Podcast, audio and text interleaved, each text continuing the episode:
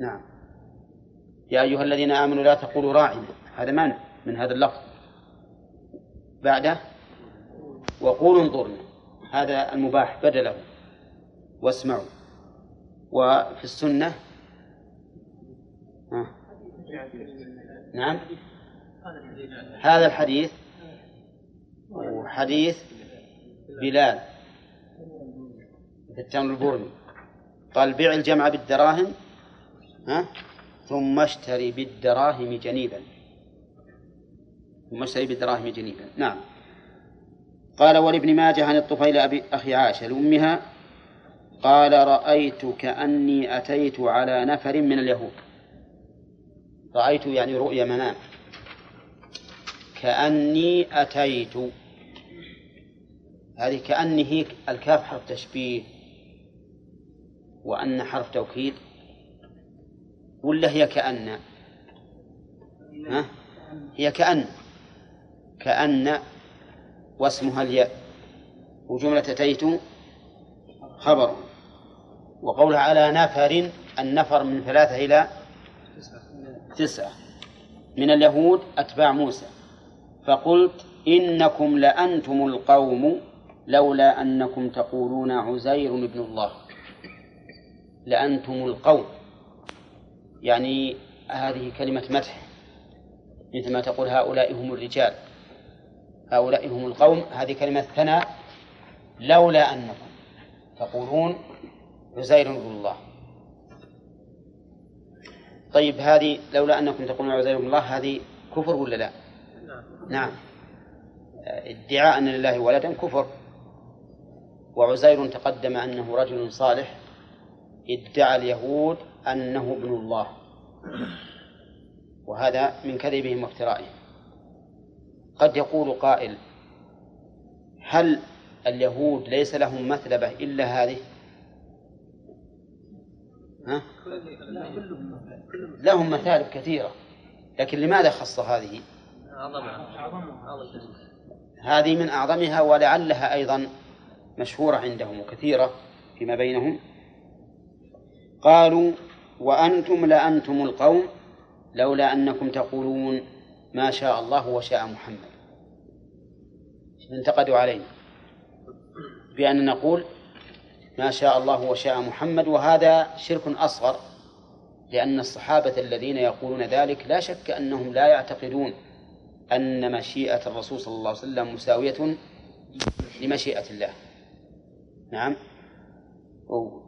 طيب إذن انتقدوا هذه الجملة والذي انتقدوا إثبات المشيئة للرسول صلى الله عليه وسلم ولا تسويتها بمشيئة الله؟ تسويتها. أما مشيئة الرسول عليه الصلاة والسلام فله مشيئة. كل أحد له مشيئة وله إرادة. ثم مررت بنفر من النصارى فقلت إنكم لأنتم القوم لولا أنكم تقولون المسيح ابن الله. المسيح من؟ عيسى بن مريم. وسمي مسيحا بمعنى ماسح فهو فعيل بمعنى فاعل لأنه كان لا يمسح ذا عاهة إلا برئ يبرئ الأكمة والأبرص. نعم إذا مسحهما برئ بإذن الله. فسمي المسيح. وهم يقولون إن المسيح ابن الله لأن الشيطان لعب بهم. قال كيف يجي واحد بدون أب؟ إذا فهو ابن الله. ابن لله والعياذ بالله. لا سيما إذا كان في الإنجيل كما في القرآن. ونفخنا فيه من روحنا. ونفخنا فيها من روحنا. فنفخنا فيها من روحنا. فهم يقولون هذا جزء من الله عز وجل. من روحنا. إضافة. إلى من؟ إلى الله. روحنا. نا قالوا إذن فهي فهو جزء من الله والجزء هو الابن. لأن النبي أنا أقول الآن لأن النبي صلى الله عليه وسلم يقول في في فاطمة إنها بضعة من أي جزء. وكما قال الله تعالى وجعلوا له من عباده جزءا. نعم. قالوا إذن يكون هو بعض الله وجزءا من الله والعياذ بالله. لأن الله قال روحنا. نفخت فيه من روحي. به من روحي. ها؟ في آدم. نعم. فيها هي من روحنا. ولكننا هذا هذا الاشتباه من هذه الإضافة من من الشيطان. والجواب عليها سهل جدا. فإن الله تعالى إذا أضاف شيئا إلى نفسه الطبال إذا أضاف شيئا إلى نفسه فإما أن يكون ذاتا منفصلة بائنة عن الله وإما أن يكون صفة صفة لا تصف بها أحد. فإن كان المضاف صفة فإنه من صفاته من صفاته وليس بمخلوق. مثل كلام الله وسمع الله وقدرة الله وعزة الله وما أشبهه. وأما إذا كان المضاف إلى الله ذاتا بائنة أو صفة في تلك الذات فإنه ليس. فإنه ليس من صفات الله بل هو مخلوق بائن من الله عز وجل. بائن عنه وليس منه. مثل ناقة الله وبيت الله ومساجد الله وما أشبهها نعم. عباد الله. ها؟ عباد الله. وعباد الله كثير. ها؟ وكذلك أيضا لو كان صفة في ذات في ذات منفصلة فإنه لا يكون لا يكون من صفات الله عز وجل بل هو من صفات تلك الذات.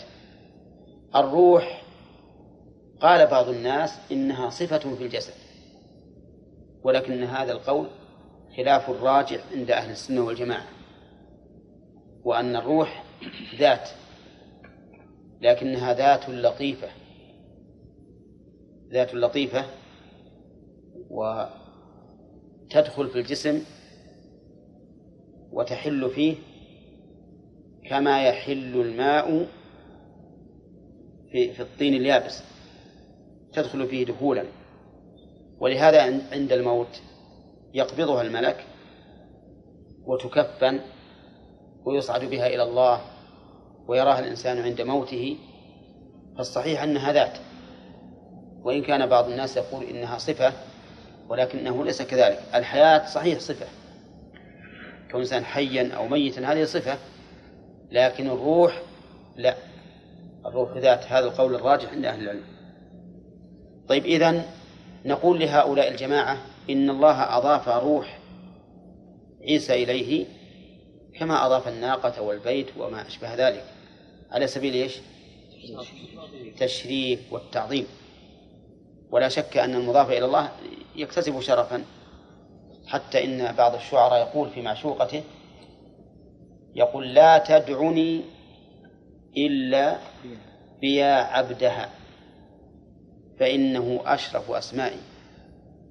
لا تدعني إلا بيا عبدها فإنه أشرف أسمائي. لا تقول يا محمد يا علي يا بكر يا خالد لا. نعم. قل يا عبد ليلى مثلا إذا كان هو مجنون ليلى.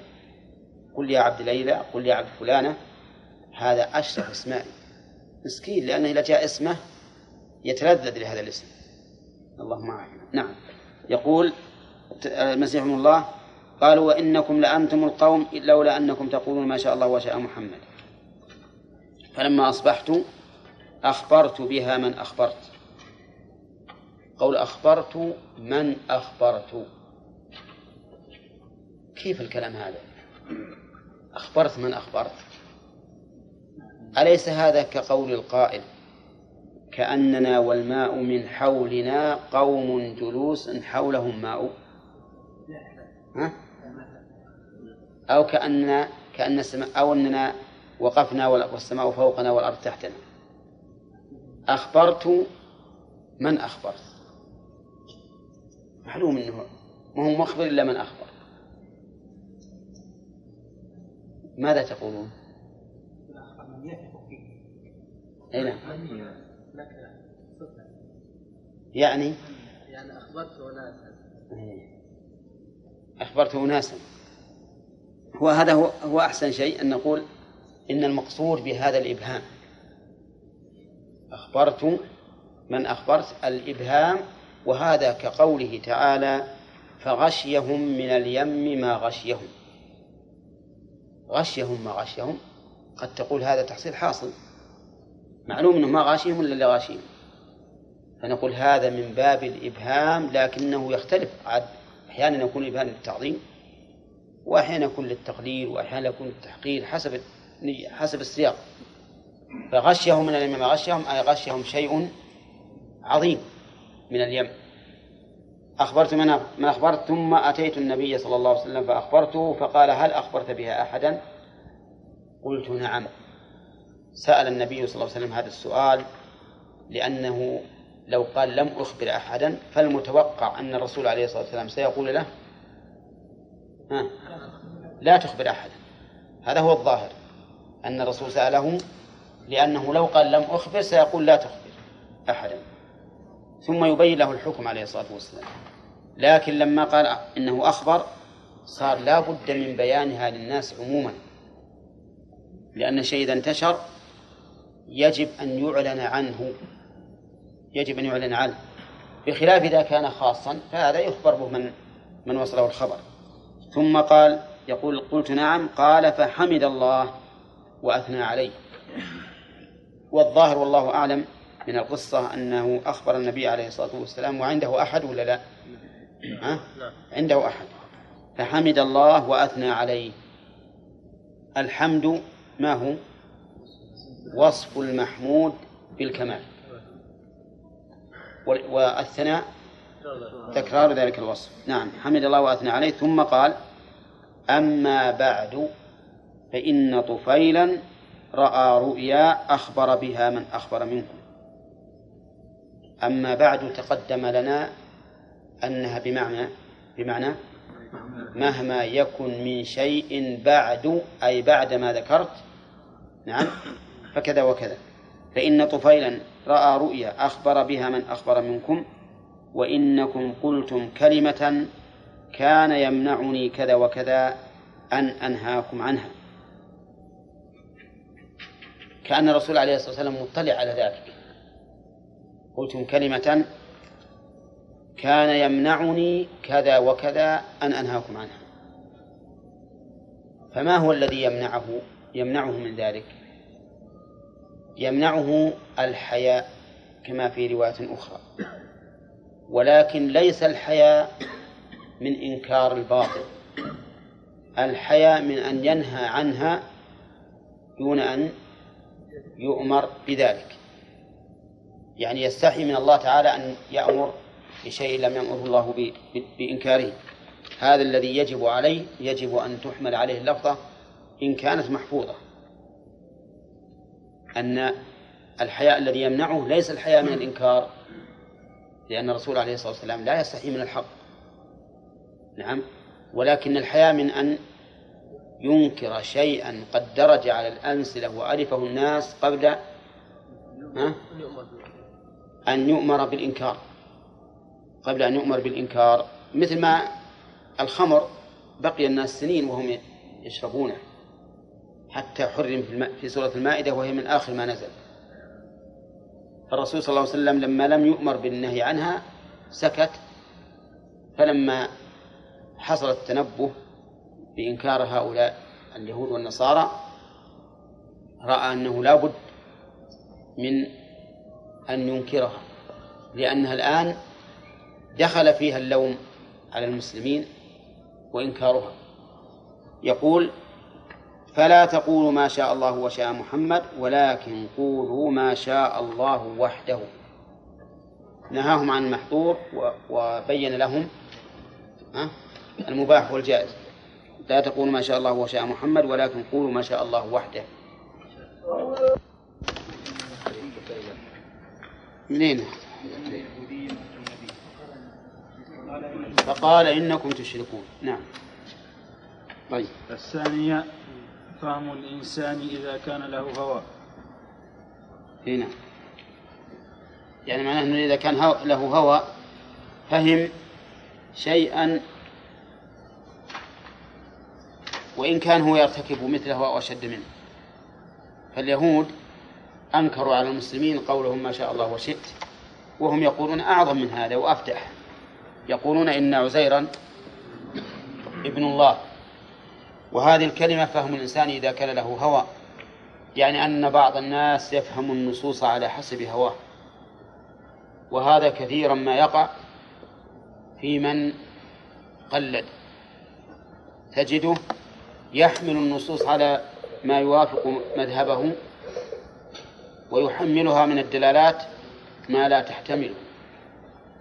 وكذلك أيضا بعض العصريين الآن الذين يحملون النصوص ما لا تحتمله حتى توافق ما اكتشفه العلم الحديث في الطب والفلك وغير ذلك. كل هذا من الأمور التي لا يحمد الإنسان عليها.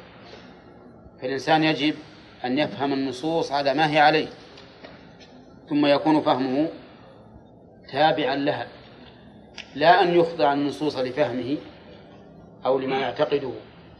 ولهذا يقولون استدل ثم اعتقد ولا تعتقد ثم تستدل لأنك إذا اعتقدت ثم استدللت فربما يحملك اعتقادك على أن تحرف النصوص إلى ما تعتقده كما هو كما هو ظاهر. في جميع الملل والمذاهب المخالفة لما جاء به الرسول عليه الصلاة والسلام تجدهم يحرفون هذه النصوص لتوافق ما هم عليه. والحاصل أن الإنسان إذا كان له هوى فإنه يحمل النصوص ما لا تحتمله من أجل متابعتها من أجل أن توافق هواه. نعم. شيخ أليس مقصد الشيء أن صاحب الهوى يفهم الحق ويعزو عنه؟ ويدخل هذا يدخل في العبارة. أنه يفهم الحق ولكنه يرتكب ما هو أشد منه. فيفهم شيئا ويعميه الله عن شيء. بالنسبة لقوله تعالى ولتجدن أشد الناس عداوة الذين لتجدن. لتجدن أشد الناس عداوة الذين اليهود والذين أشركوا أقربهم مودة الذين قالوا إننا نصارى. للذين آمنوا. للذين آمنوا. الذين قالوا. الذين قالوا إننا نصارى. نعم. يقولون إن النصارى أقرب من اليهود. هل يعني يدخل في هذا يعني يحبونهم ويعلونهم يكون هذا أقرب من اليهود لأنهم إذا سمعوا ما أنزل الله إذا كان هذا الأمر واقعا في النصارى فهم أقرب مودة. ما هم حنا نودهم. نحن لا نودهم أبدا. لا مودة قريبة ولا بعيدة. لكن هم أقرب الناس مودة للذين آمنوا. أقرب الناس مودة للذين آمنوا. المودة من حاصلة؟ منهم لنا لا منا لهم. نحن لا نجوز أن نودهم مهما كان أمرهم. لكن هم أقرب الناس مودة الذين آمنوا لهذا السبب بأن منهم قسيسين ورهبانا. فإذا وجد ذلك منهم فإنه يدل على أنهم أقرب الناس مودة للذين آمنوا يعني. أما إذا لم يوجد منهم ذلك كما هو الواقع الآن فإنهم كاليهود ولهذا قال الله عز وجل يا أيها الذين آمنوا لا تتخذوا اليهود والنصارى أولياء بعضهم أولياء بعض هنا. لكن اللي يقربهم الآن يودهم لأنه يقول القرآن يقول هكذا بس القرآن ما فهم القرآن. يعني خطأ أي أنت الآن مش تفهم ولا تجدن أقربهم مودة للذين آمنوا. وش تفهم منها؟ أننا نودهم أو هم يودوننا؟ مثلا إيه لكن الذين آمنوا صاروا مؤمنين. زال عنهم وصف النصرانية. الكلام على النصارى من حيث هم نصارى. لتجدن أقرب للذين آمنوا الذين قالوا إنا نصارى. ما قال لا تجد أقرب لا تجد أقرب مودة المؤمنين للذين للذين قالوا إنا نصارى. لو كان كذلك لكن معنى ذلك أن مودتنا لهم أقرب من مودة غيرهم. لكن قال أقرب مودة للذين آمنوا. هم يقربون لنا. هنا. نعم. السادسة قوله صلى الله عليه وسلم أجعلتني لله ندا فكيف بمن قال فكيف بمن قال ما لي من ألوذ به سواك؟ والبيتين بعده. أجعلتني لله ندا وهو ما قال إلا ما شاء الله وشئت. فكيف بمن نسي الله عز وجل؟ في جانب الرسول عليه الصلاة والسلام وقال هذا الكلام الذي قاله الشيخ رحمه الله ما لي من ألوذ به ويشير إلى بيتين للبوصيري في البردة القصيدة المشهورة يقول يا أكرم الخلق ما لي من ألوذ به سواك عند حلول الحادث العمم. البيتين بعده ما هما؟ إن لم تكن آخذا يوم المعاد يدي. ها؟ فضلا وإلا فقل يا زلة القدم فإن من جودك الدنيا وضرتها ومن علومك علم اللوح والقلم. هذا جعل جعل الرسول الله ندا. ما أعظم. ما جعل لله شيئا أبدا. ما جعل لله شيئا. جعل الشيء كله للرسول صلى الله عليه وسلم.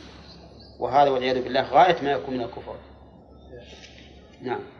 من قال إن البيتين الأولين من قال إن المقصود به يقصد به الشفاعة. يقولون هكذا. هل هذا التاويل صحيح؟ لا غير صحيح. عند حدوث الحادث العام عند حلول الحادث العام. نعم. إي نعم. هذا غير صحيح. لأن قوله ما لي من ألوذ به سواك حتى الله ما ليس له. والشفاعة ما تكون إلا بعد إذن الله. أي نعم. يؤولونها مع أن الحديث عام. ثم الرسول عليه الصلاة والسلام ما هو بيأخذ بيده هو ولا غيره حتى يشفع له.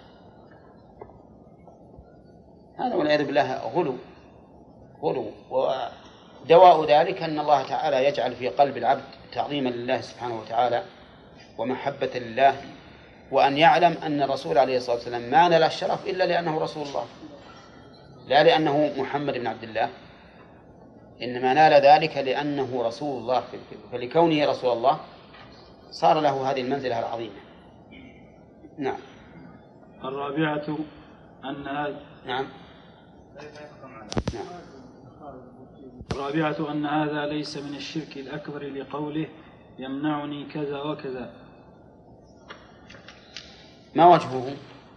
وجهه لو كان من الشرك الأكبر ها ما منعه شيء عن إنكاره عليه الصلاة والسلام لكن لما كان من الشرك الأصغر صار كأنه والله أعلم أن الرسول صلى الله عليه وسلم منعه الحياء من أن ينكر لأنه لأن الشرك منهم بعيد من الصحابة فمنعه الحياء منهم أن يقول إنكم أشركتم ولكن لما كانت هذه الرؤيا رأى أنه لا بد من الإنكار. نعم. نقول يا شيخ الحياة لأنها يعني يستحي أن ينهى عن شيء لم يؤمر به. هذا هو الذي مشى عليه صاحب تيسير العزيز الحميد لكن الأخ عبد الله السعد يقول أن رواية يمنع الحياة منكم إنها صحيحة. وإذا كان كذلك فإنه لعدم أن يكون المانع له أنه ما أمر بذلك فاستحيا منهم أن ينهاهم عن شيء لم يؤمر به ولم يكن من الشرك الأكبر لأن الشرك منهم بعيد. أي شهور كأنه إذا نهاهم ربما جوز عليهم أن يكونوا مشركين بهذا الشيء فيستحي أن ينهاهم عن أمر ويقول أنه شرك وهو يستبعد أن يقع منهم ذلك على وجه الشرك. الخامسة أن الرؤيا الصالحة من أقسام الوحي. من أين تؤخذ؟ من حديث الطفيل. والرؤيا الصالحة لا شك أنها من أقسام الوحي كما قال النبي عليه الصلاة والسلام الرؤيا الصالحة جزء من ستة وأربعين جزءا من النبوة. وقد أثبت الله تعالى بها الأحكام في رؤيا الأنبياء وفي رؤيا غيرهم أيضا. فإبراهيم عليه الصلاة والسلام رأى في المنام أنه يذبح ابنه فقال إني أرى في المنام أني أذبحك. فقال له ابنه افعل ما تؤمر. فجعل هذه الرؤيا أمرا لأن التنفيذ وما في أن ما قال إني رأيت أني أؤمر بذلك قال رأيت أني أذبحك. والابن قال افعل ما تؤمر. كيف عرف أن ذلك أمرا؟ أو أن ذلك أمر؟ عرف أنه لا يقدم على الذبح الذي يستلزم قتل النفس المعصومة إلا إلا بأمر. فلهذا قال افعل ما تؤمر. وإلا فهو رأى أنه يذبح. والنبي عليه الصلاة والسلام أثبت رؤيا عبد الله بن زيد رؤيا الأذان أثبتها وقال إنها رؤيا حق. وأبو بكر أثبت رؤيا ثابت من قيس بن شماس أنه رؤي في المنام آه، وأنه أوصى بوصية وقال للذي رآه إنكم ستجدون درعي تحت برمة وعندها فرس يستن. ولما أصبح الرجل ذهب إلى هذه هذا المكان وأخبر خالد بن الوليد. فرأوا رأوا الدرع تحت هذه البرمة وعندها الفرس. فلما رأى أن في هذه الرؤيا قرائن تدل على صدقها نفذها. والمهم أن الرؤيا الصالحة جزءا من ستة وأربعين جزءا من النبوة. وما وكما أن هذا ما أخبر به الرسول عليه الصلاة والسلام فهو قد وافق الواقع بالنسبة للوحي الذي أوحي إلى النبي صلى الله عليه وسلم. لأن أول ما أتاه الوحي هي الرؤيا الصالحة. وكانت ابتدأت في ربيع الأول وفي رمضان أنزل عليه القرآن. كم يكون؟ ستة أشهر بين ربيع ورمضان ستة أشهر انسبها إلى بقية زمن الوحي. كم يكون؟ جزءا من ستة وأربعين جزءا من النبوة. لأن زمن الوحي كان ثلاثة وعشرين سنة. ستة أشهر نصف سنة. فيكون جزءا من ستة وأربعين جزءا من النبوة. لكن ما معنى الصالحة؟ وش معنى الرؤيا الصالحة؟ هي الرؤيا الصالحة تتضمن صلاح الرجل وتتضمن أنها رؤيا ما هي بأضغاث أحلام. أضغاث الأحلام تأتي يعني مشوهة وغير منظمة. يمر يمكن الإنسان يرى أنه في البحر يمدري ولا في الطيارة يمدري ولا فوق المنارة ومرة يكون في في الخلوة وما أشبه ذلك. المهم مشوشة. مثل الرؤيا التي قصها رجل على النبي عليه الصلاة والسلام قال يا رسول الله إني رأيت أن رأسي قد قطع وأني جعلت أشتد وراءه سعيا. رأسي مقطوع وهو يدبس ثابت نعم؟ فقال النبي عليه الصلاة والسلام لا تحدث الناس بتلاعب الشيطان بك في منامك. هذه ما تكون رؤيا صالحة. الرؤيا الصالحة تكون رؤيا منظمة ولها مغزى ويشعر الإنسان بشيء حينما يراها ثم إن المرائي أيضا الغالب أن المرائي المكروهة أنها من الشيطان. ليحزن الذين آمنوا وليس بضارهم شيئا إلا بإذن الله. ولهذا أمر النبي عليه الصلاة والسلام إذا رأى الإنسان ما يكره أن يتفل عن يساره أو ينفث ثلاث مرات ويقول أعوذ بالله من شر الشيطان ومن شر ما رأيت وأن يتحول إلى الجانب الآخر وأن لا يخبر بها أحدا. وفي رواية أخرى أنه أمره أن يتوضأ وأن يصلي. وإلا فبعض المرائي يعني لو أن الإنسان انساب وراءها لكان يمرض ويحصل عليه هم وغم. لكن الحمد لله لكل داء دواء. نعم. ما هو شرط؟ أن ينام على طهارة ليس بشرط. لا ليس بشرط. نعم. اشترط صحيح أن يكون قبل قراءة إيش؟ قد قرأ الورد قبل أن ينام. لا ابدا ما هو شرط. ما هو شرط. لا ما هو ما هو شرط. لكن نعم الغالب إنه إذا حفظ الإنسان نفسه بالأوراد إن الشيطان ما يتلاعب به. الأحكام الشرعية ورد حديث طباعة بن الزبير قال حجي واشترك. فهذا له أصل من الشرع. أما لو جاء إنسان مثلا يتحدث عنا بشيء نعرف انه مخالف للشرع فهذا ما نقبل مهما كان. لا ليس مخالف لكن يعني فيها مثل مسألة فيها اختلاف. نعم. ترى النبي صلى الله عليه وسلم يفعل يعني ما يوافق أحد القولين والله على كل حال إذا كان يعني إذا كان هذا الرجل إذا كان هذا الرجل ثقة صادق وش المعنى؟ إنه إن الله سبحانه وتعالى أكرمه بأن رأى النبي عليه الصلاة والسلام وبين له أن الصواب هو القول الثاني هذا. ما يكون يعني. أبدا فتح باب ليش؟ يعني لا لا لا أبدا. ما يتمثل الشيطان بصورة الرسول صلى الله لا عليه وسلم. قد مو شرط يعني بالصورة. مثل يقول لك هذا وأنا بصوت مثلا.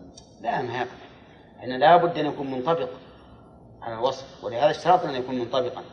وقلنا ليس كل من رأى شيخا أو من رأى رجلا ووقع في ذهنه أنه رسول الله يكون هو رسول الله صلى الله عليه وسلم. طيب لو رأى صحابي. صحابي. لا صحابي ربما يتمثل به الشيطان. ما يستند يعني لو رأى أبا بكر أو عمر أو أي أحد من الناس ربما يتمثل الشيطان. فلا يقبل. بنى عليه الشيخ أقول الشيخ عبد الرحمن السعدي بنى عليها على إيش؟ عندما رأى عائشة. لا ما بنى عليها أبدا. لما رآها ذهب ينظر, ينظر في في رأيها فوجد أنها ترى هذا الرأي. لكن ما قال للناس أن هذا رأي عائشة. على أنه يرجح قول عائشة. نعم. أقول ما رجح قول عائشة. لا ما أدري عن ترجيحه لكن لكن الكلام على أنه ذهب وراجع. هذا. راجع. نعم. يكون قوله ملزم للناس. لا يمكن يحدث تجديد شرع بعد, بعد الرسول عليه الصلاة والسلام أبدا. لكن قد يكون تنبيه على مسألة تدخل في ضمن الأدلة الشرعية. يكون هذا الإنسان مثل ما انتبه لها أو تنبيه على أن هذا القول الراجح ويكون النص الذي جاء به الشرع محتملا له. أما أن نقول يبي يرى الرسول ويبي يخبر بأشياء جديدة. ما ما مثلا لو يبي يفرض نفرض أنه رأى الرسول وقال سبح كذا وكذا في وقت كذا وكذا. هذا نعلم أنه كذب ما هو صحيح. لأن الشرع كامل. ما يمكن يحدث أي تشريع بعد موت الرسول عليه الصلاة والسلام.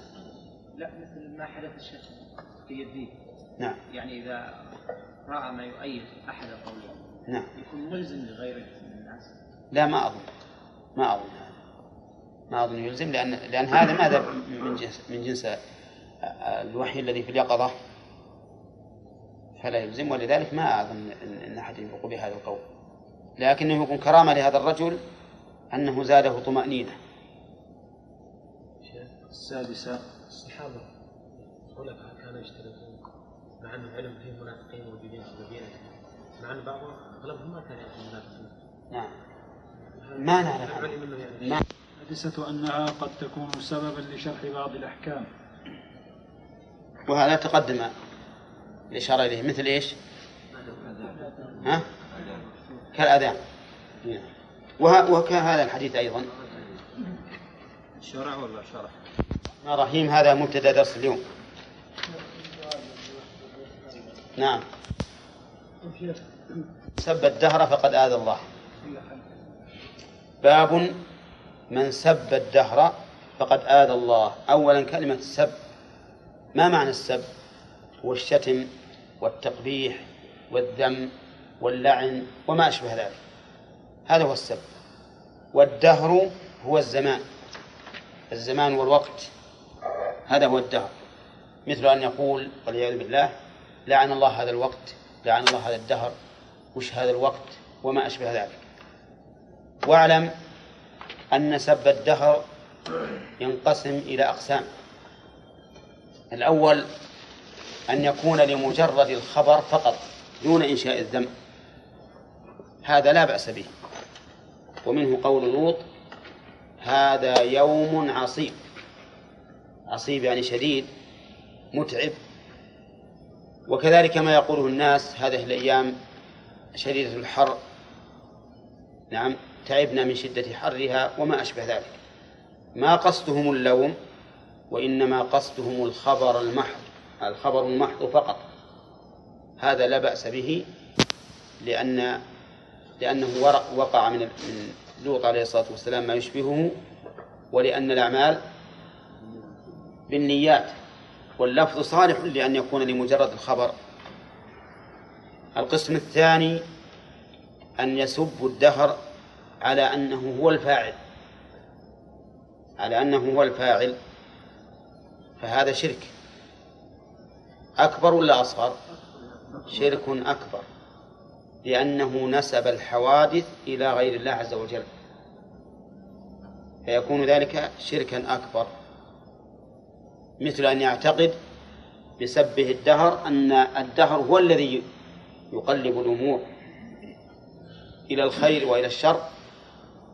فهذا كفر شرك أكبر مخرج عن الملة والعياذ بالله لأنه اعتقد أن مع الله خالقا.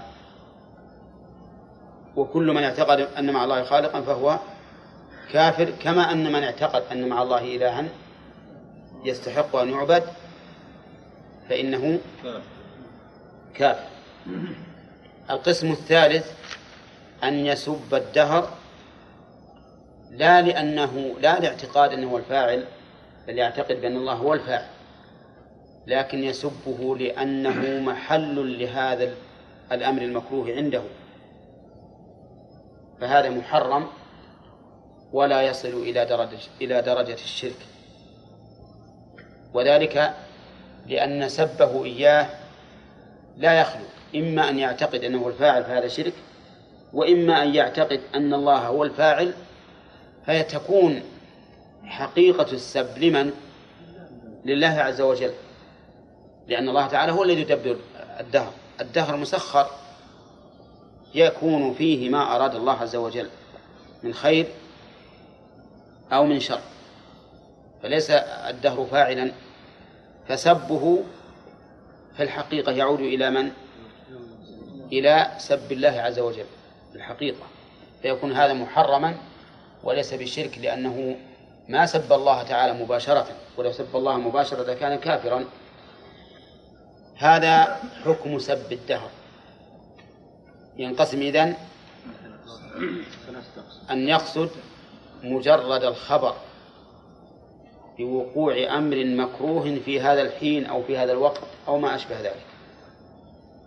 فهذا لا بأس به. والثاني أن يقصد السب واللوم. فهذا إن اعتقد أن الدهر هو الفاعل فهو شرك أكبر لأنه اعتقد أن مع الله خالقا. وإن اعتقد أن الفاعل الفاعل الله ولكن سب الدهر لكونه محل الحوادث فهو محرم محرم لأنه في الحقيقة يعود سبه إلى الله عز وجل إذ أن الدهر إذ أن الدهر ها مسخر. مسخر ما ما ما يملك شيئا. فإن قال قائل إذا قلتم إن سب الدهر في هذا القسم يعود إلى الله فلماذا لا يكون كفرا؟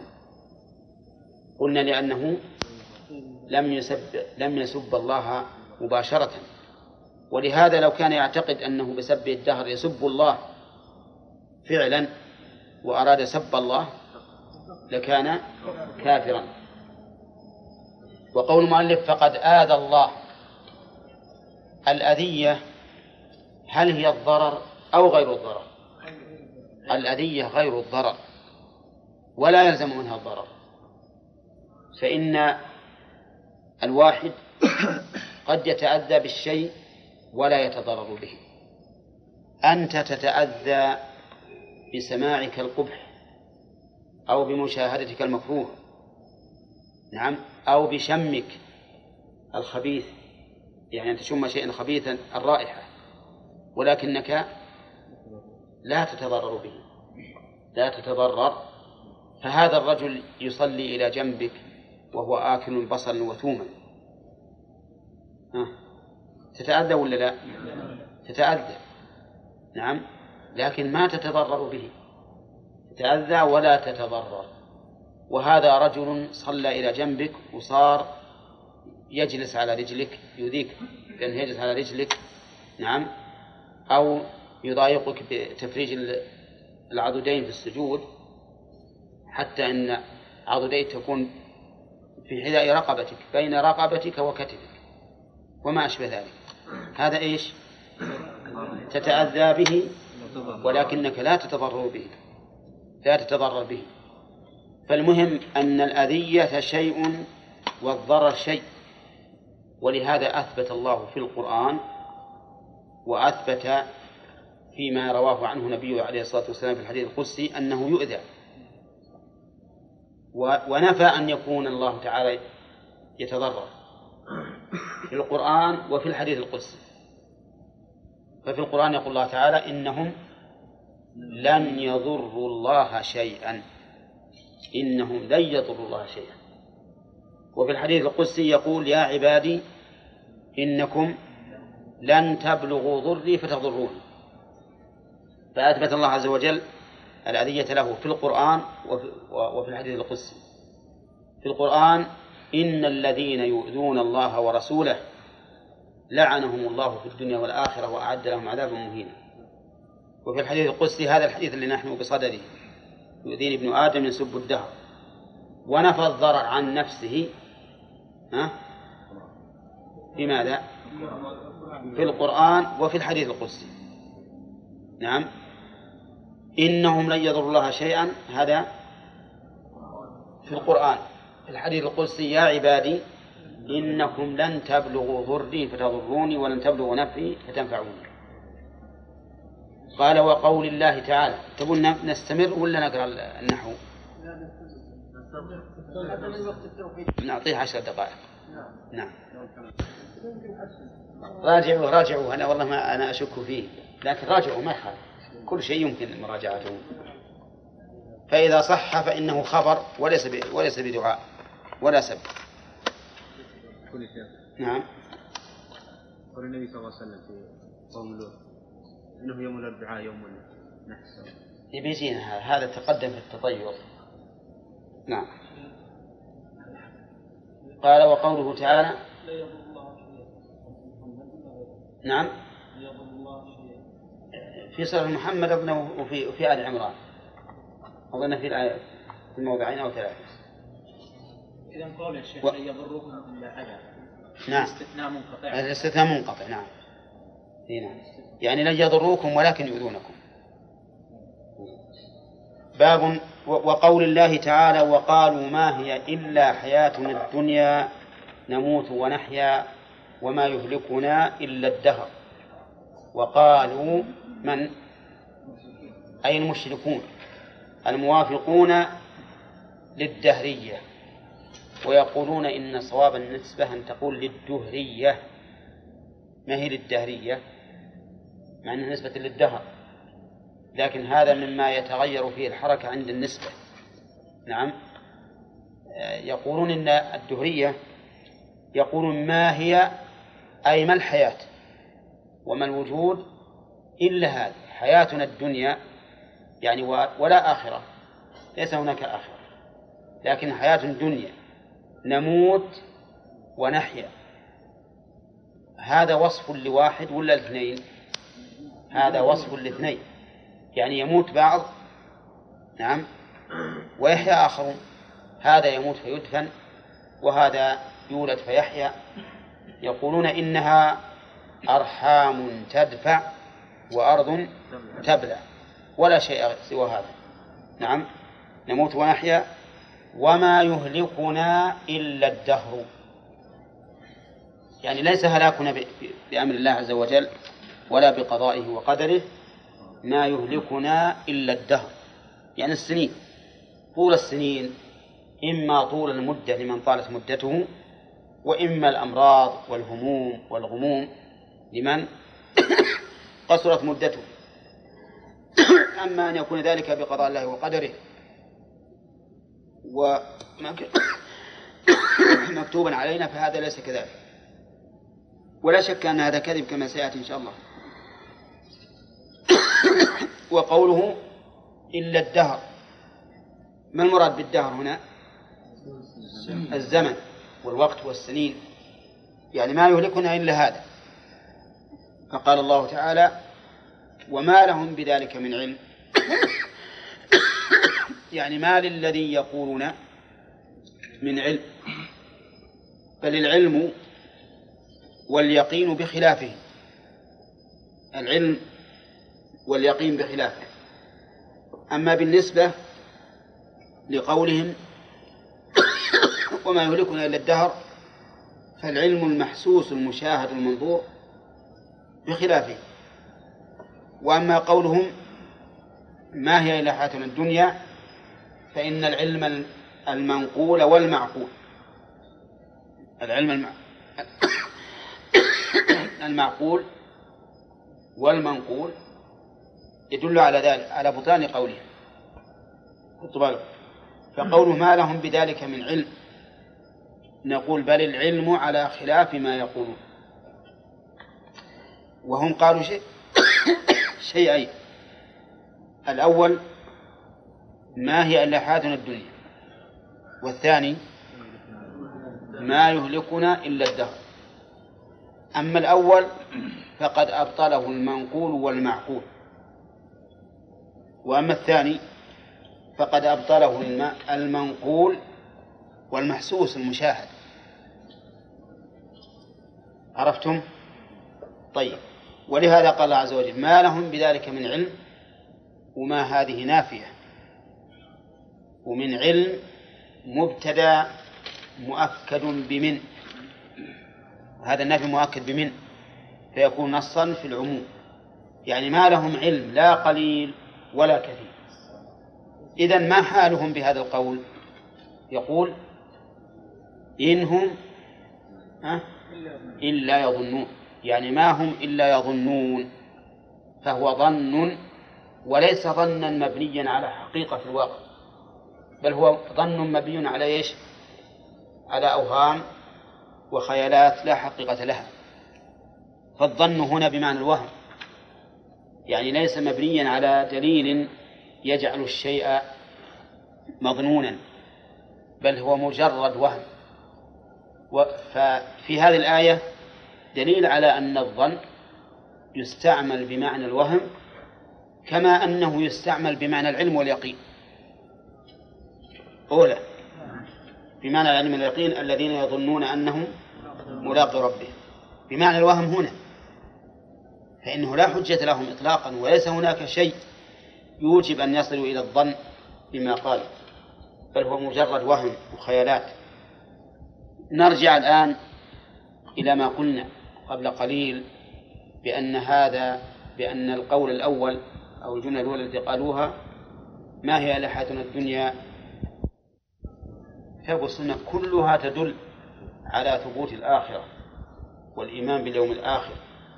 والكتب السماوية كلها تقر ذلك وتؤكده بأن الله تعالى سيجعل للعباد دنيا أخرى سوى هذه.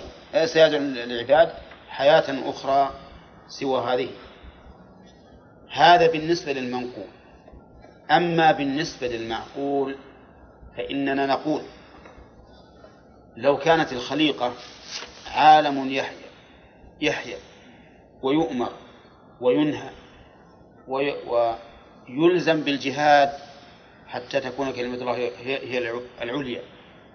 فيستبيح الدماء والأموال والنساء والذرية ثم تكون النتيجة ها؟ لا شيء. هل هذا يليق بحكمة الله عز وجل؟ ما يليق.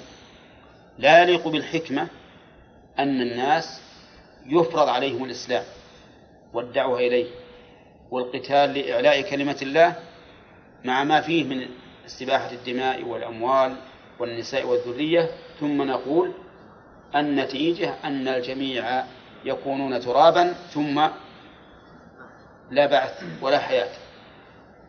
هذا خلاف المعقول وهذا تباه حكمة الله عز وجل.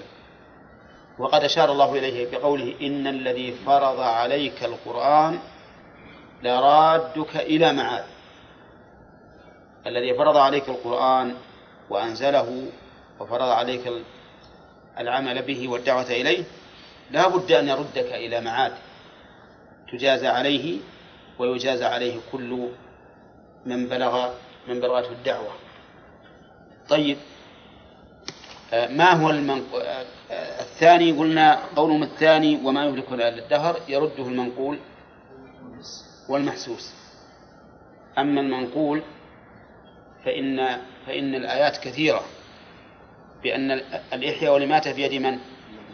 بيد الله عز وجل. هو الذي يحيي ويميت. وهو الذي يقدر الآجال. وكل شيء عنده بمقدار. وهو الذي يقول إذا جاء أجلهم فلا يستأخرون ساعة ولا يستقدمون. كل هذا من النقول يدل على أن الدهر ما له دخل في الموضوع. أما المحسوس فإننا نشاهد من يموت في حال الصغر في أعز شبابه وأقوى بدنه. يموت. أليس كذلك؟ ونشاهد من يبقى سنين طويلة وهو على قيد الحياة. وهذا نوح عليه الصلاة والسلام كم بقي في قومه؟ ألف سنة إلا خمسين عاما. ما أهلكه الدهر ما أهلكه الدهر ونجد أطفالا يموتون في الشهر الأول من وضعهم في الشهر الثاني وشبابا في غاية ما يكون من القوة يموتون. الدهر صار هو الذي يميتهم ولا لا؟ ليس الدهر. إذا فهؤلاء كذبوا في في القولتين جميعا. في قولهم ما هي إلا حياتنا الدنيا نموت ونحيا وفي قولهم وما يهلكنا إلا الدهر. فتبين أنه لا بد من حياة أخرى وأن الذي يهلك ويبقي هو الله عز وجل. ولهذا قال الله عز وجل وما لهم بذلك من علم إن هم إلا يظنون. يعني ما هم إلا يظنون. هذه الآية للترجمة. باب من سب الدهر فقد آذى الله. قلنا المناسبة لأن أحد الاحتمالين في سب الدهر أن ينسب الحوادث إليه وهؤلاء نسبوا الحوادث إلى الدهر فقالوا وما يهلكنا إلا الدهر. هذا هو وجه المناسبة مناسبة الآية للترجمة. وإلا فإن المسألة ليست على هذا ليس فيها إيذاء بل فيها كفر وشرك قول هؤلاء الذين يقولون ما يهلكنا إلا الدهر وما لهم بذلك من علم إنهم لا يظنون. نسأل الله السلامة. صلى الله عليه وسلم قال قال الله تعالى مثل هذا الحديث يسمى الحديث القدسي ويسمى الحديث الإلهي ويسمى الحديث الرباني. وهي أسمى معروفة عند أهل الحديث وهي كل ما يرويه النبي صلى الله عليه وسلم عن ربه. كل ما يرويه عن ربه. فيقول قال الله تعالى أو يقول الله تعالى أو يقول الصحابي مثلا قال النبي صلى الله عليه وسلم فيما يرويه عن ربه. يعني الصحابي قد يعبر فيقول قال النبي صلى الله عليه وسلم فيما يرويه عن ربه وقد يقول قال النبي صلى الله عليه وسلم قال الله تعالى. والمعنى؟ المعنى واحد.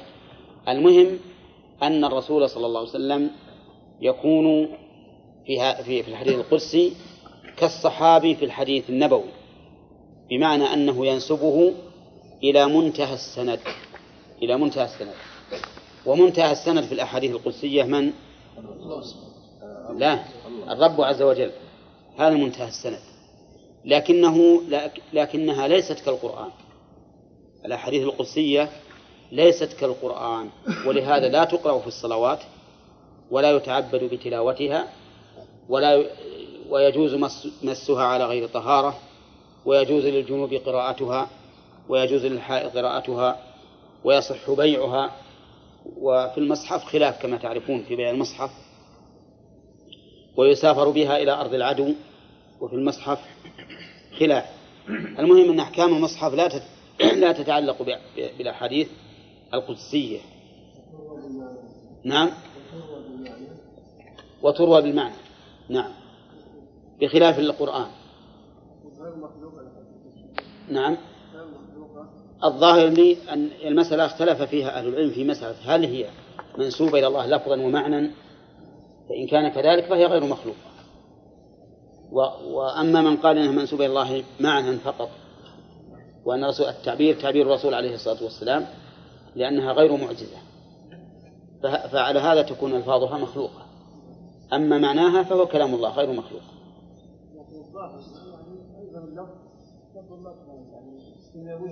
نعم هو لا هو هذا الظاهر لكنه يخالف الظاهر أشياء.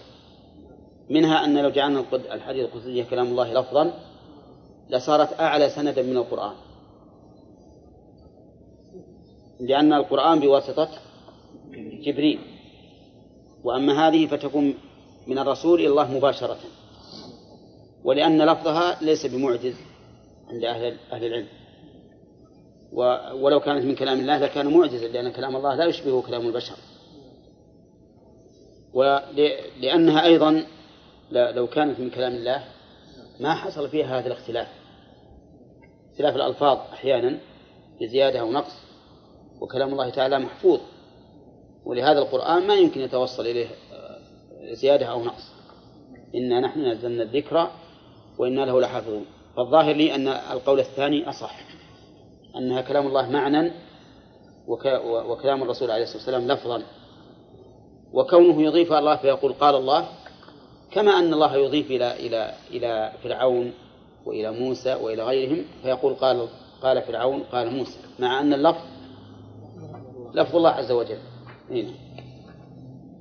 يق- قال الله تعالى يؤذيني ابن آدم. قال الله تعالى. ابن يشرح هذا الحديث بألفاظه تعالى. وش معنى تعالى؟ تعالى من العلو. لكنها أتت بهذه الصيغة للدلالة على ترفعه جل وعلا عن كل نقص وكل سفل. نعم. فهو متعال في- ذاته ومتعال في صفاته وهي أبلغ من كلمة على لأنها تدل على التحاشي ولهذا يأتي بها الله عز وجل في مقابلة الذين أشركوا به فيقول تعالى الله عما يشركون أي ترفع وتنزه عما يشركون علوا كبيرا وقوله قال الله تعالى يؤذيني ابن آدم. يؤذيني. أي يلحق بي يلحق بالأذى. ولكن هذا الأذى كما قلت قبل قليل ليس كأذية المخلوق. وش الدليل؟ قوله تعالى ليس كمثله شيء وهو السميع البصير.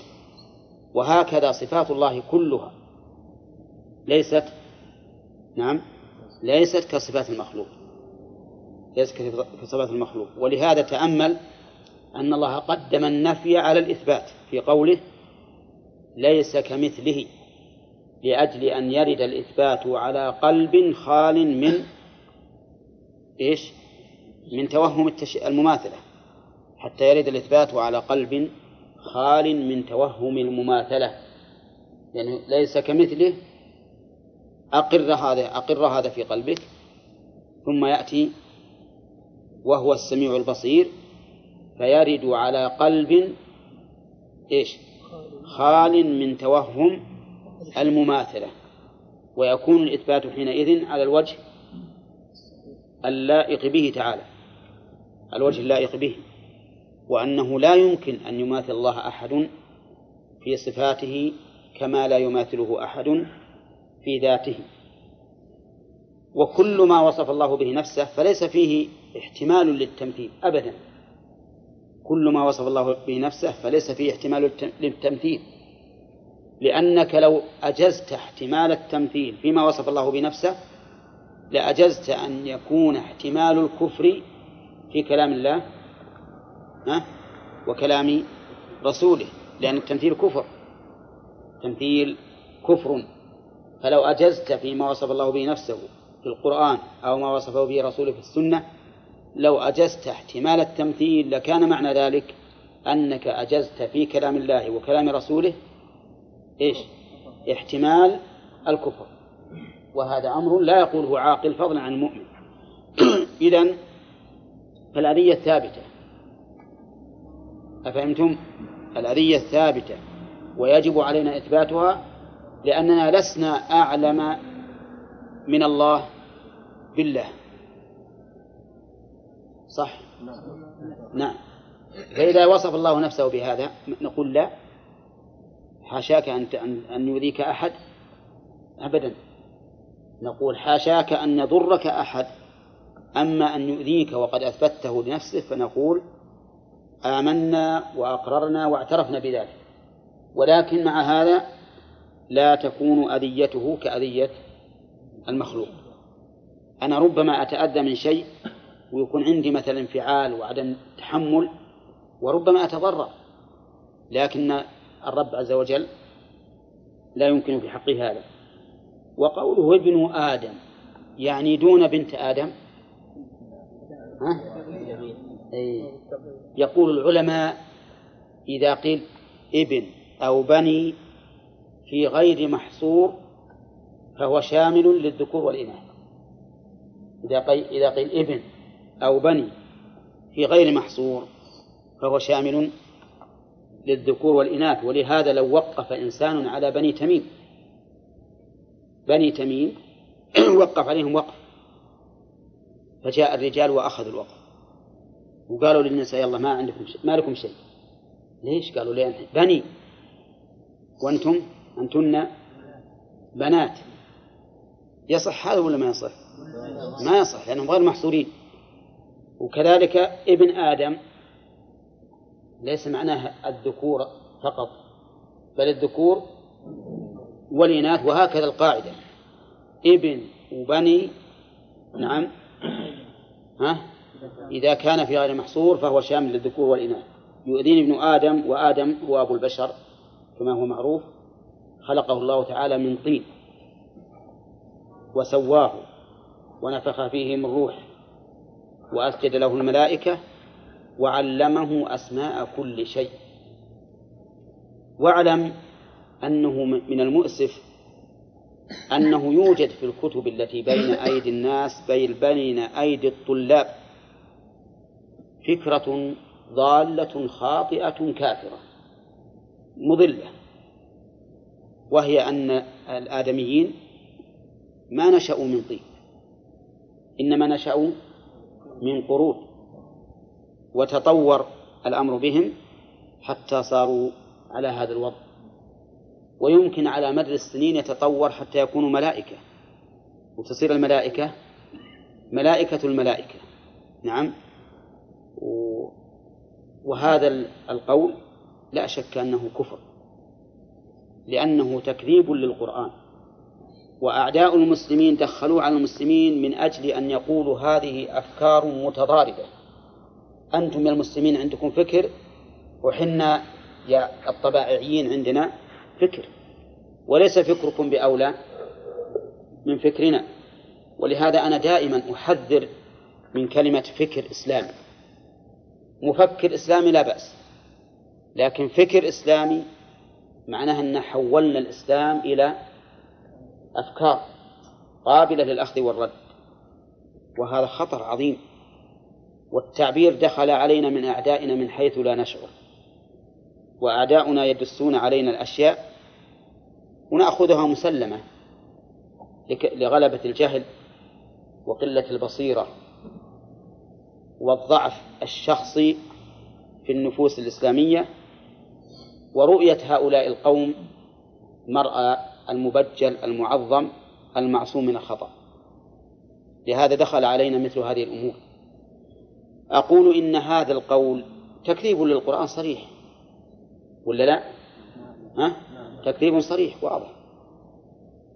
فالواجب علينا أن ننكر هذا إنكارا بالغا وأن لا نقره في في أي كتب من كتب المدارس.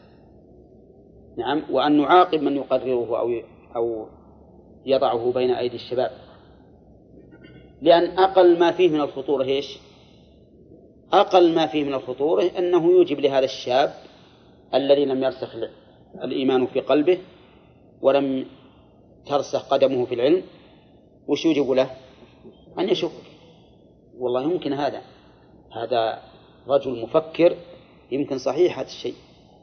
لكننا نحن نقول مثل ما قيل في أبي أبي علاء المعري يقول إذا ما ذكرنا آدما وفعاله وتزويجه بنتيه بابنيه في الخنا علمنا بأن الخلق من نسل فاجر وأن جميع الناس من عنصر الزنا. أعوذ بالله. أجابه بعض العلماء بجواب قال أنت الآن أقررت أنك ولد زنا. نعم. وإقرارك على نفسك مقبول. وعلى غيرك غير مقبول. وهكذا إقرار الفتى لازم له وفي غيره لغو كما جاء شرعنا. ردوا عليه. فالمهم هذا الرجل نقول أنت قرد ولا تتجاوز أن تكون من القرود بصورة إنسان. أما فكرك هذا فهو فكر باطل لأن الله أكذبك فيه. وقد قال ما أشهدتهم خلق السماوات والأرض ولا خلق أنفسهم. أنت بنفسك لا تدري كيف, كيف يخلقك الله. يخلقكم في بطون أمهاتكم خلقا من بعد خلق في ظلمات ثلاث. ما تدري كيف تخلق. كيف تقول إن أصلك قرد قردا أصلك قرد ثم صرت آدميا؟ قل لي ما أصل الكلب وما أصل البقرة وما أصل البعير. نعم. ولكن أنا الحقيقة يؤلمني أن يوجد هذا بين أيدي الشباب. وأن أن بعض الناس قد أخذوا به على أنه أمر محتمل. والواقع أنه أمر لا يحتمل سوى البطلان والكذب نعم والدس على المسلمين بالتشكيك بما أخبرهم الله به عن خلق آدم وبنيه. نعم يؤذيني ابن آدم يسب الدهر. الجملة هنا تفسير يعني جملة تفسيرية أو تعليلية. يعني إما أنها تعليل للأذية أو تفسير للأذية يعني بكونه يسب الدهر أي يشتمه ويقبحه ويلومه وربما يلعنه والعياذ بالله. وما هو الدهر؟ الدهر الزمن. الدهر هو هو الزمن. قال الله تعالى هل أتى على الإنسان حين؟ من الدهر لم يكن شيئا مذكورا. فالدهر الزمن فالإنسان يسب الزمن وسبه في الحقيقة إن كان يعتقد أن الزمن هو الفاعل فقد تقدم أنه شرك وإن كان يعتقد أن الزمن محل الحوادث ويسبه لوقوع الحوادث السيئة فيه فإنه محرم وإثم. والسب في الحقيقة يعود إلى إلى الله. يسب الدهر أي الزمن والوقت. قال وأنا الدهر. أنا الدهر. كيف يعني؟ أنا الدهر يعني أنا الزمن؟ لا. أنا الدهر يعني معناه أنا مدبر الدهر ومصرف الدهر. ويدل لذلك قوله أقلب الليل والنهار. الليل والنهار هو الدهر. يعني أنا الدهر أي أقلب الدهر. أقلب الدهر كما قال الله تعالى وتلك الأيام نداولها بين الناس. فيوم علينا ويوم لنا ويوم نساء ويوم نسر. هكذا الدنيا هكذا الدنيا. لو تأملتها لوجدتها هكذا هكذا تقلب الإنسان. يوم يسر الإنسان ويوم يساء ويوم يكون صحيح ونشيط ويوم يكون فيه شيء من المرض. نعم. ويوم يكون منطلق ومسرور نعم. ويوم بالعكس. هكذا الدنيا. وهذه من حكمة الله عز وجل لئلا يركن إليها العاقل. لو كانت كلها صفوا ها لركن إليها كثير من الناس. لكنها كانت على هذا الوجه حتى يعتبر الناس ولا يتخذوها مقرا. نعم. إذا أنا الدهر وش معنى أنا الدهر؟ أه؟ أنا مقلب الدهر ومصرفه. ولا يحتمل المعنى سوى ذلك. لأنك لو قلت إن الله نفسه هو الدهر لجعلت الخالق مخلوقا. ولجعلت المقلب مقلبا. لجعلت المقلب مقلب لأن الدهر مقلب. يقلب الليل والنهار. وهذا أمر لا يمكن. فإذا قال قائل ألستم تقولون دائما وتكررون بأن المجاز ممنوع في اللغة العربية ولا سيما في كلام الله وكلام الرسول؟ وهذا إما أن تقولوا بأن الله هو الدهر أو تقولوا بالمجاز. فما هو الجواب؟ الجواب أننا نقول إن الكلمة حقيقة في معناها الذي دل عليه السياق والقرائن. وإن كانت في مكان آخر تكون مجازا. وحينئذ فنقول هنا لا شك أن في الكلام محذوفا وهو مقلب الدهر. لأنه فسره بقوله مقلب الليل والنهار. ولأن العقل لا يمكن أن يجعل الدهر المخلوق هو الخالق. ولأن العقل لا يمكن أن يجعل الفاعل هو المفعول. المقلب هو المقلب وبهذا نعرف خطأ من قال إن الدهر من أسماء الله. كابن حزم رحمه الله فإنه قال إن الدهر من أسماء الله. وهذا غفلة عن مدلول هذا الحديث وغفلة عن الأصل في الأسماء. ما هو الأصل في أسماء الله؟ أن تكون حسنى. بالغة في الحسن غايته فلا بد أن تشتمل على وصف ومعنى هو أحسن ما يكون من الأوصاف والمعاني في دلالة هذه الكلمة مثلا. يعني ما تجد في أسماء الله اسما جامدا أبدا.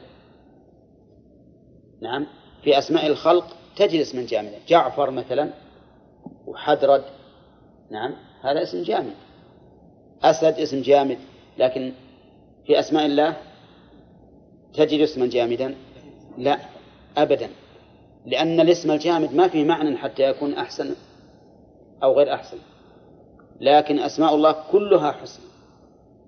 فيلزم من ذلك أن تكون دالة على معان. والدهر اسم من أسماء الزمن ليس فيه معنى إلا أنه اسم زمن. وعلى هذا فينتفي أن يكون من أسماء الله. لوجهين. الوجه الأول أن سياق الحديث يأباه غاية الإباء. الوجه الثاني أن أسماء الله حسنى والدهر اسم جامد لا يحمل معنى إلا أنه اسم للأوقات فلا يحمل المعنى الذي يوصف بأنه أحسن. وحينئذ فليس من أسماء الله تعالى بل إنه الزمن ولكن مقلب هذا الزمن هو الله. ولهذا قال أقلب الليل والنهار. تقليب الليل والنهار هل المراد ذواتهما أو ما يحدث فيهما أو الأمران جميعا؟ ها؟ الأمران جميعا. فالليل والنهار يقلب من طويل إلى قصير إلى متساوي. أليس كذلك؟ والحوادث فيهما حدث ولا حرج. حدث ولا حرج. تتقلب في الساعة وفي اليوم وفي الأسبوع وفي الشهر وفي السنة. قل اللهم مالك الملك. تؤتي الملك من تشاء وتنزع الملك ممن تشاء وتعز من تشاء وتذل من تشاء بيدك الخير إنك على كل شيء قدير. ثم جاء تغيير الزمن نفسه. تؤتي الملك وتعز هذا الحوادث اللي في الزمن. ثم جاء الزمن نفسه فقال تولج الليل في النهار وتولج النهار في الليل. فالله عز وجل يقلب الليل والنهار في ذواتهما. ها؟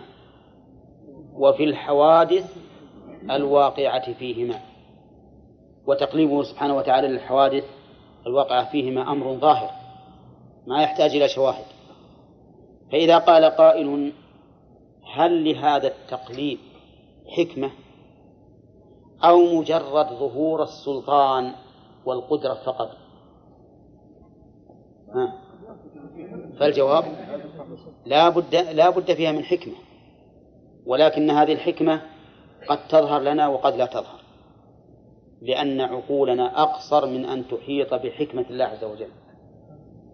لكن منها ما يكون معلوما لنا ومنها ما يكون مجهولا لنا.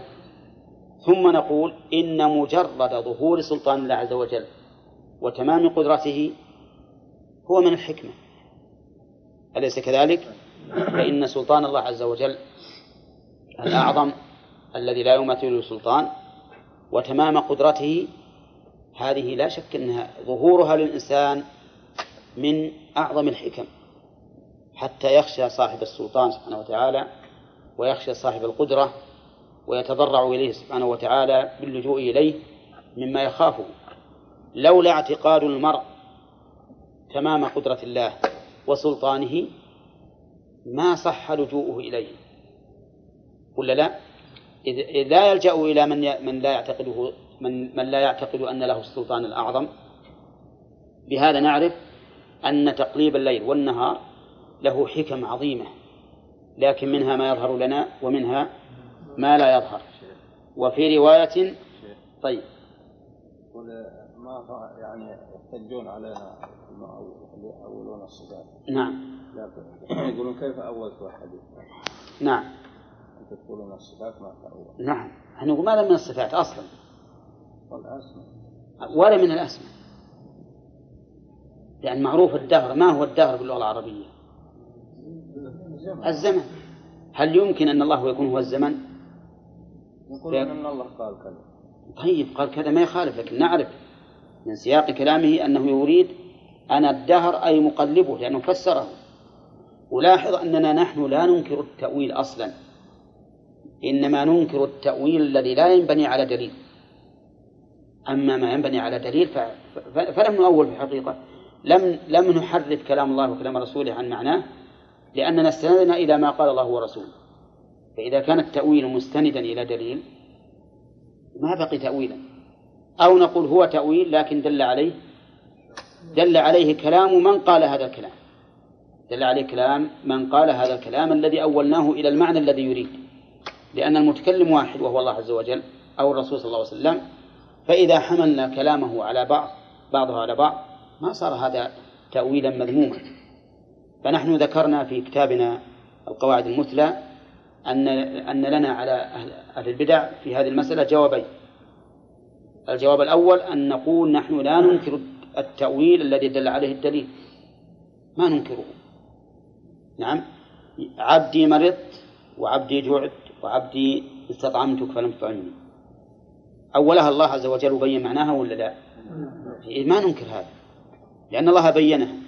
فإذا جاء البيان من الله ورسوله سواء كان متصلا بهذا الدليل أو منفصلا عنه فإن تأويلنا له بحجة بحجة ممن تكلم به. فكأنه يقول أردت بكلامي كذا وكذا. ما في مانع نقول هذا هو المراد. نحن ننكر على أهل التأويل لأنهم أولوا بدون دليل إلا مجرد ما ما ما يظنونه عقلا وليس بعقل. قال وفي رواية لا تسبوا الدهر فإن الله هو الدهر. فائدة ذكر هذه الرواية أن فيها التصريح بالنهي عن سب الدهر. أما الأولى ها الأولى ما فيها تصريح بالنهي لكنه إشارة ومن فحوى الخطاب أنه ينهى عنه لأن الله توعد الذين يؤذونه. إن الذين يؤذون الله ورسوله لعنهم الله في الدنيا والآخرة. لكن الثانية صريحة لا تسبوا الدهر فإن الله هو الدهر. عندي فإن الله هو الدهر. لا. فإنه فإن الله هو الدهر هذا الصواب. وقوله فإن الله هو الدهر هذا تعليل للنهي. تعليل للنهي. وقد سبق لنا مرارا أن من بلاغة كلام الله ورسوله أنه أحيانا يقرن ها الحكم بالعلة. الحكم بالعلة لبيان الحكمة ولزيادة الطمأنينة. ولأجل تعدي العلة إلى غيرها فيما إذا كان المعلل حكما. المعلل حكما فإنه يتعدى إلى غيره. نعم. لا اللي عندنا فإن الله هو الدهر. هذا اللفظ. هذا اللفظ اللي في الأصل. نعم. المعنى هو الدهر هو مقلب الدهر. مثل الأول ما يستقيم يا أخي ما قال الرسول هذا. أثبت لي ذا قبل اللي عندنا فإن الله هو الدهر. نعم.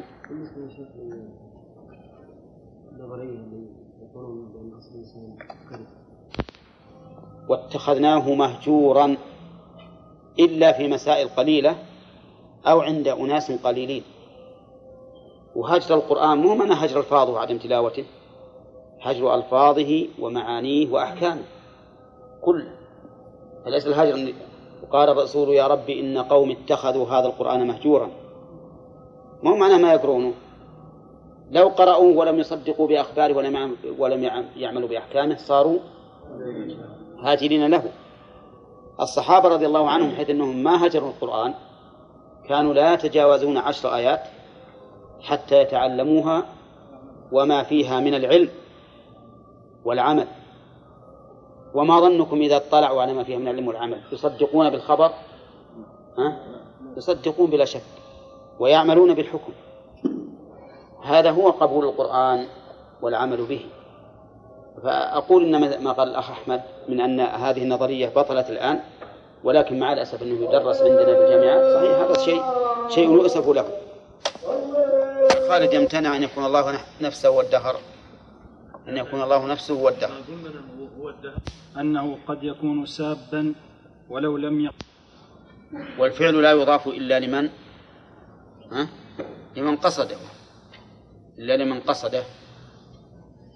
فلو, فلو قيل أنه يكون مؤذيا لله ولو لم يقصد. الإيذاء صح لعموم الحديث. طيب فات المؤلف شيء من مسائل الباب.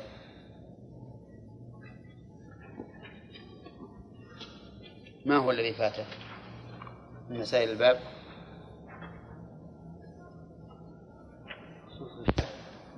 مع أنه رحمه الله من عادته إذا ذكر آيات وأحاديث يقول في مسائل الأولى تفسير آية كذا. تفسير آية كذا تفسير آية كذا. وهذه إما أن تكون سقطت من النساخ أو أن المؤلف رحمه الله غفل عنها ونسيها. على كل حال في هذا الباب من المسائل تفسير آية الجاثية. وقالوا ما هي إلا حياتنا الدنيا نموت ونحيا إلى آخره. وقد علمنا تفسيرها وبينا وجه مناسبتها للباب. نعم. باب التسمي بقاضي القضاة ونحوه. تفسير. رضي الله عنه. عن النبي صلى الله عليه وسلم قال إن أخنع اسم عند الله رجل تسمى ملك, ملك الأملاك لا مالك إلا الله. قال سفيان مثل شاهان شاه. وفي رواية أغيض رجل على الله يوم القيامة وأخبثه. قوله أخنع يعني أوضع بسم الله الرحمن الرحيم. قال رحمه الله تعالى باب التسمي بقاضي القضاة ونحوه. المؤلف قال قاضي القضاة ال الدالة على العموم وقاضي بمعنى حاكم والقضاة الحكام. فيكون المعنى باب حاكم الحكام ونحوه التسمي بحاكم الحكام ونحوه مثل ملك الأملاك سلطان السلاطين وما أشبه ذلك. نعم. و وما أشبه ذلك مما يدل على الحكم والنفوذ والسلطان لأن القاضي ليس كالعالم القاضي مفت وملزم وله سلطة وأما وأما العالم فإنه مفت وليس له سلطة. لا لو يفتي مثلا شخص أو شخصين فيما بينهما من المشاكل ما ألزمهما.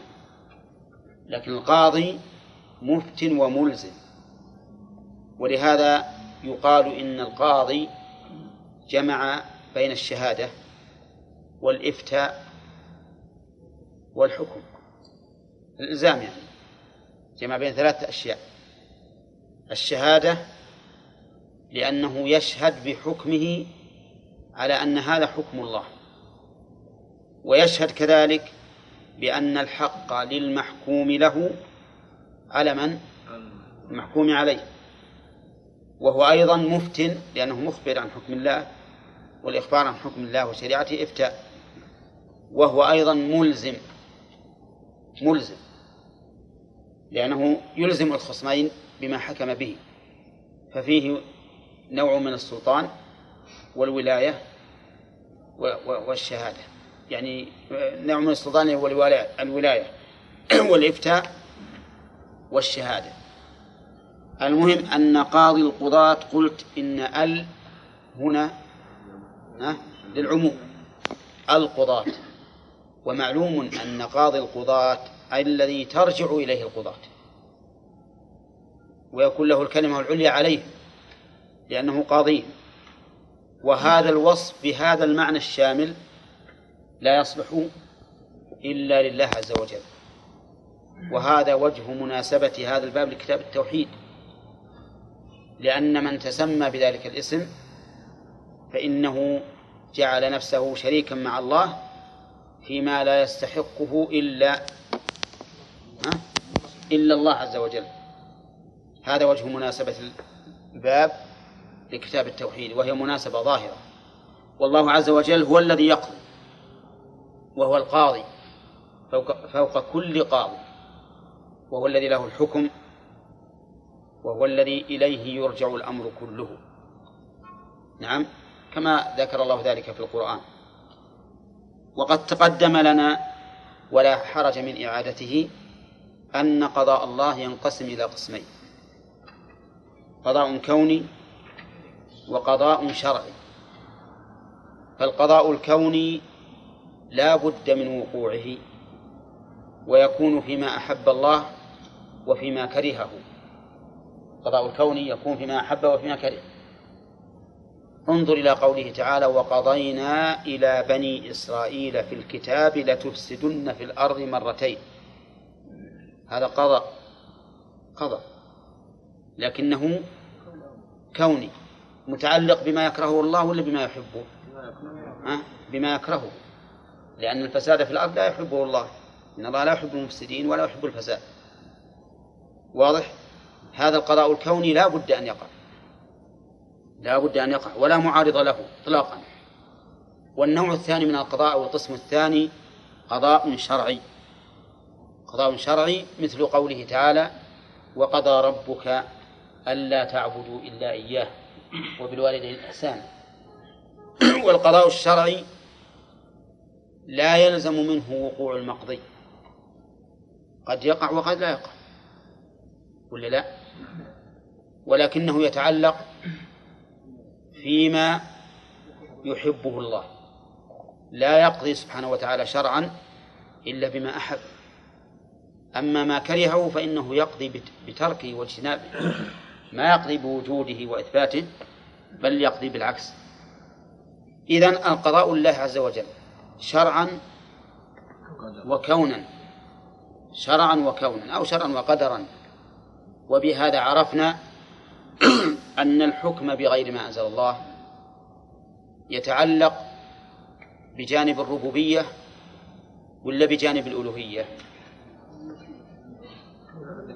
الحكم بغير ما أنزل الله يتعلق بجانب الربوبية ولا بجانب الألوهية؟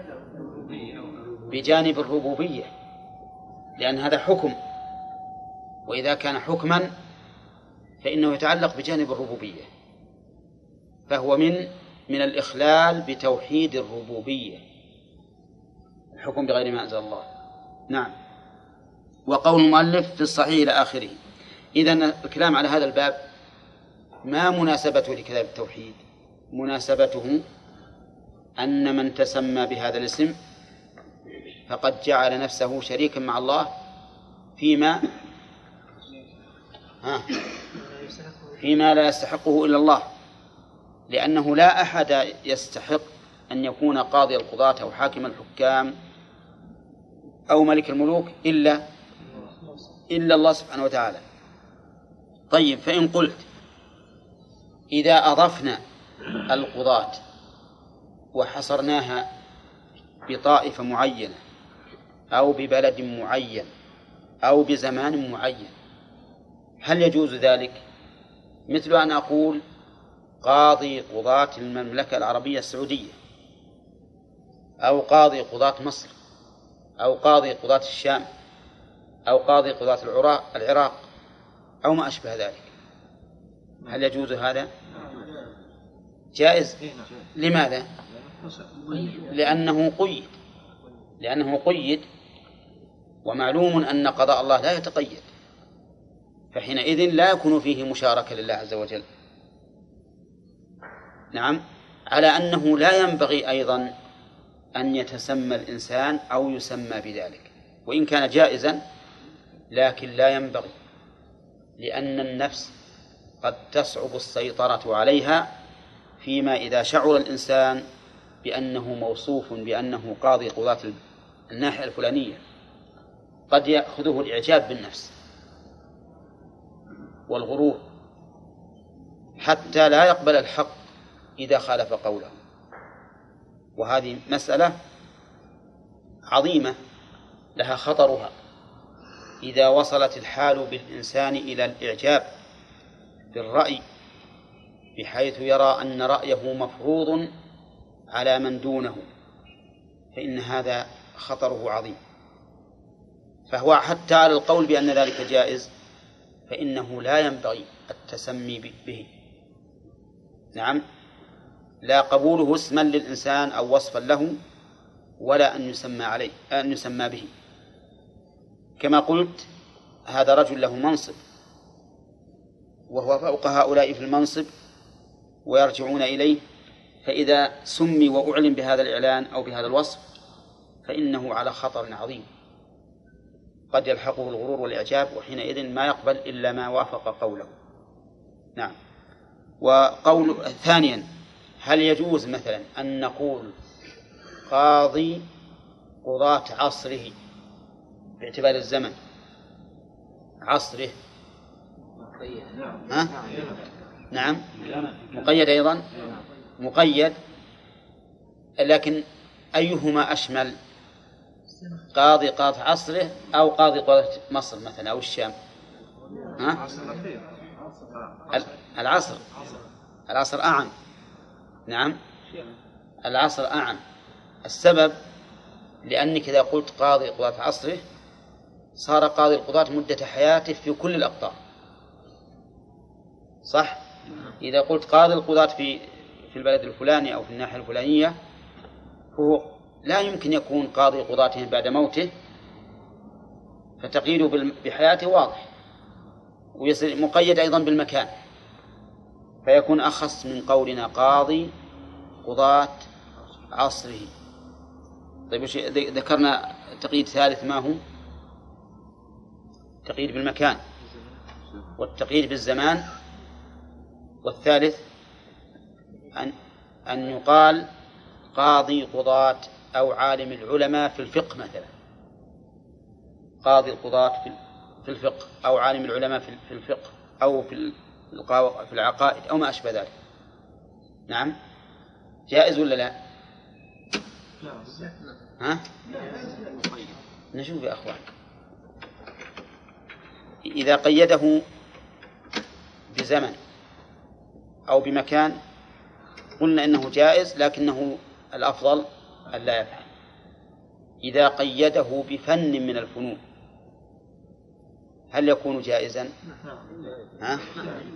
هو في الحقيقة مقتضى التقييد أن يكون جائزا لكن في مسألة الفقه إذا قلنا إن الفقه يشمل أصول الدين وفروعه على حد قول الرسول عليه الصلاة والسلام من يريد الله به خيرا يفقهه في الدين صار فيه عموم كبير. ولا لا؟ معناه مرجع الناس كلهم في الشرع ها؟ إليه. وهذا عموم واسع.